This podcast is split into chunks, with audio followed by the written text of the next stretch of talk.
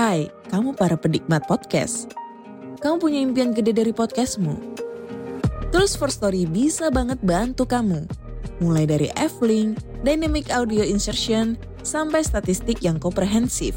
Semua ada di First Story. Gak ketinggalan kamu bisa monetisasi podcastmu lewat iklan dari First Story Ads yang bisa kasih kamu penghasilan dari setiap place podcastmu. Yuk gabung sekarang dengan klik di firststory.me. Sekali lagi, klik di firststory.me. Mari kita bawa mimpi podcastingmu menjadi kenyataan. Podcast ini bekerja sama dengan First Story. Kalau kalian belum pernah dengar First Story, ini adalah platform palu gada baru yang paling keren dan memiliki fitur yang lengkap. Dan yang paling menarik, podcastmu bisa dimonetasi loh. Tunggu apa lagi? Yuk buruan, gapai potensi maksimal podcastmu dengan tools dari platform hosting terbaik untuk para podcaster. Daftarkan sekarang di firststory.me. Dijamin gratis.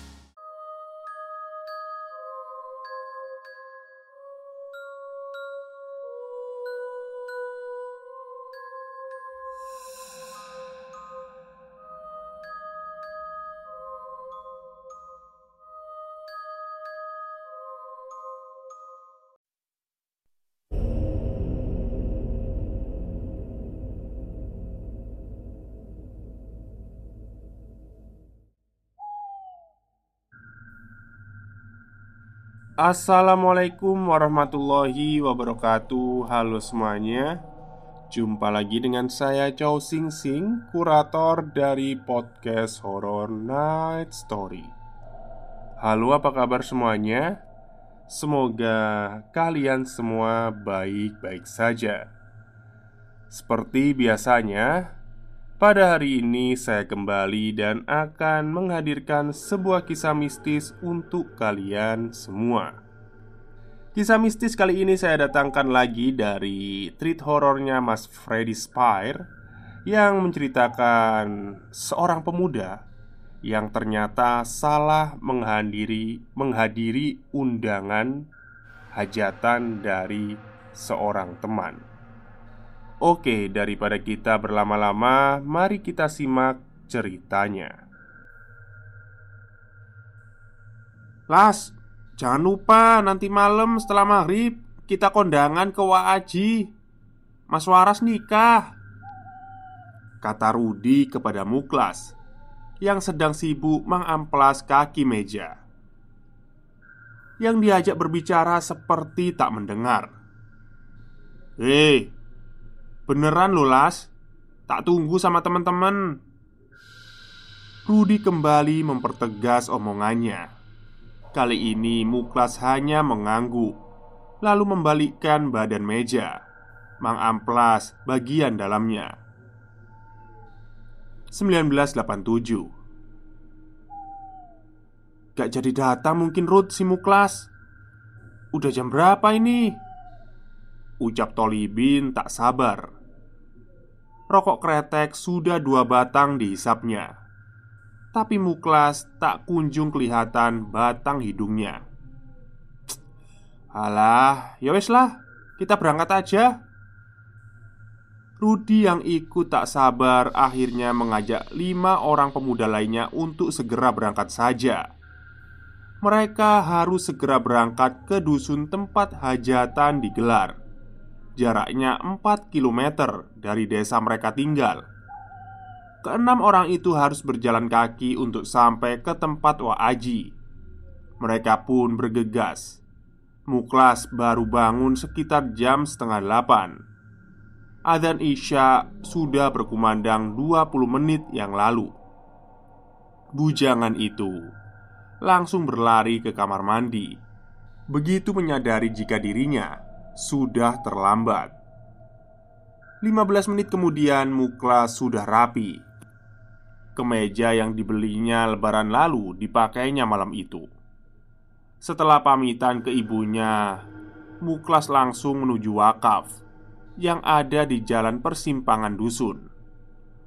Obor minyak tanah dibawanya sambil berlari. Desa waktu itu belum tersentuh listrik dia harus berhati-hati agar cipratan minyak tanah tak mengenai bajunya.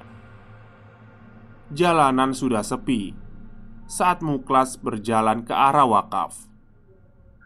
Sebagian jalan udah gelap. Hanya ada satu penerangan dari obor yang memang diletakkan di dekat wakaf untuk menerangi orang-orang yang buang hajat malam hari yang masih menyala. Waduh, kok sepi ya? Kata Muklas dalam hati. Muklas menunggu di pinggir wakaf yang berbatasan langsung dengan sungai kecil. Di sulutnya rokok bentol eceran yang disimpan di sakunya. Berharap teman-temannya juga terlambat seperti dirinya. Angin semilir berhembus dingin tidak ada tanda-tanda temannya datang. Muklas lalu mematikan rokoknya di tanah dekat kakinya. Tak sengaja dia melihat potongan batang rokok yang ada di sana. Muklas hafal betul sisa rokok siapa itu. Walah, asu, asu, sudah berangkat berarti. Gumamnya sambil berlari ke arah dusun tempat Wa Aji. Muklas mencoba berjalan cepat sambil menggenggam obor. Jarak dusun Wa Aji masih cukup jauh. Muklas berharap masih bisa kebagian jatah makan gulai kambing meski datang larut malam. Muklas terus berjalan sampai ke sebuah persimpangan jalan. Jika melewati jalan biasa, jaraknya masih dua setengah kilometer lagi dari dusun karena harus memutari satu perkampungan lagi. Tapi ada sebuah jalan kecil melewati tepian sungai yang bisa memotong jarak sampai satu kilometer. Muklas memilih jalan pintas. Obor diletakkannya lebih ke depan karena jalan ini lebih sempit. Pepohonan randu dan bendo mengapit jalan ini. Di sisi kiri ada sungai yang mengalir tenang Siang hari jalur ini sering dipakai pencari kecombrang. Muklas sedikit hafal dengan arah jalan terus berjalan mengikuti alur. 20 menit berjalan Muklas terus mengikuti jalan setapak. Dia terus masuk ke dalam rimbun pohon. Suara dengung bunglon sesekali menemani. Sampai akhirnya Muklas berhenti di depan sungai Caruk sungai yang menjadi pertemuan dua aliran sungai lainnya. Muklas harus menyeberang. Dilepasnya sandal kulit, lalu celana panjang. Dilintingnya sampai dengkul. Muklas masuk ke air dan mulai menyeberang. Waduh, demi kekondangan kayak harus melewati hutan gini ya. Oke, lanjut. Dia berjalan perlahan agar kakinya tidak menginjak lumpur di dalam sungai. Perlahan, kabut tiba-tiba mulai muncul saat Muklas hampir sampai di tepian sungai. Begitu menginjakkan kaki di tepian sungai, Muklas dikagetkan dengan sebuah kain putih yang dilihatnya terjulur. Mata Muklas mengikuti kain itu Ternyata kain itu sangat panjang dan terus terulur sampai ke dalam pepohonan yang gelap. Cahaya obor tak bisa melihat ujung kain itu. Jantungnya berdegup kencang. Muklas merasa ada yang salah dengan kain itu. Setelah memasang sandal, dia langsung berlari ke jalan setapak yang mengarah ke dusun Waaji. Suara-suara kemudian muncul. Sekilas seperti suara pria tua yang terbatu. Suara itu terus bersautan di kanan dan kiri jalan. Muklas terus berlari. Di dalam hatinya dia mengumpat Karena teman-temannya tak mau menunggu. Kaki Muklas baru berhenti Setelah dirinya mendengar suara gamelan yang cukup ramai Jalan setapak yang dilaluinya berhenti di sebuah jalan tanah yang lebih lebar Sekitar 100 meter di depan. Nampak sebuah tandu besar khas orang hajatan Bersinar terang. Muklas mengatur nafas. Dia tidak mau menoleh ke belakang. Dipercepat langkahnya menuju tempat hajatan itu. Hah, untung masih banyak tamu Kata Muklas dalam hati Ada ratusan tamu di tempat hajatan itu Muklas langsung mengambil salah satu kursi kosong. Dia tidak mengira Wa Aji akan mengundang banyak sekali orang untuk hajatan digelarnya. Muklas melirik ke kanan dan ke kiri mencari Rudi dan kawan-kawan lainnya, tapi tidak ada. Kue-kue khas hajatan terhidang di piring-piring yang berjejer di meja. Muklas langsung mencomot kue-kue itu Berjalan kaki dari desa membuatnya kelaparan. Ketika tamu-tamu diarahkan pindah meja, Muklas pun ikut. Ternyata tamu diarahkan ke meja yang berisi masakan-masakan berat. Bermacam daging ada di sana. Muklas tak sabar mengambil masakan yang ada itu. Di hatinya, dia berdecak kagum melihat banyaknya masakan yang telah disajikan oleh Wak Aji. Dia seperti lupa akan keadaan. Muklas memakan semua yang menurutnya enak. Gulai kambing, ikan bakar, sate, sapi, semuanya dimakannya. Seperti tak kenyang-kenyang mulutnya itu. Buah-buahan yang ada di atas meja tak luput dari tangan Muklas semua dikunyahnya satu persatu. Sampai kemudian Muklas kaget karena di pundaknya ditepuk keras. Dia menoleh ke arah orang yang menepuknya itu. Duh, Wa Arja, kok di sini? Kata Muklas Ternyata yang datang adalah bapak dari kakek Muklas Udah nak makanya Ayo cepat pulang, jangan lama-lama di sini. Jawab Yu Arja sambil menepuk-nepuk pundak Muklas.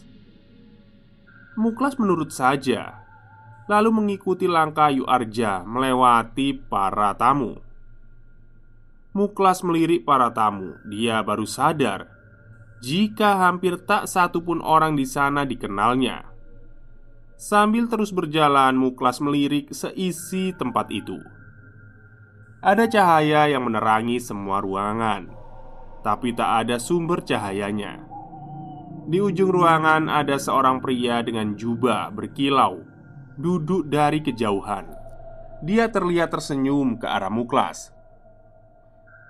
"Ayo, Le, jangan lama-lama di sini," kata Yud Arja, menarik tangan Muklas. Mereka terus berjalan keluar dari tempat hajatan itu. Di sebuah jalan kecil Yud Arja Menyuruh Muklas untuk pulang sendiri. Udah ya Sampai sini saja aku nganternya. Nanti kamu ikuti bunga lantana sampai ujung Terus kamu pulang Kata Yud Arja Muklas mencium tangan Yud Arja dia masih bingung dengan apa yang dialaminya. Diikutinya jalan setapak seperti pesan Yud Arja. Kalau belum tujuh langkah, jangan lihat ke belakang. Suara Yud Arja terdengar lagi.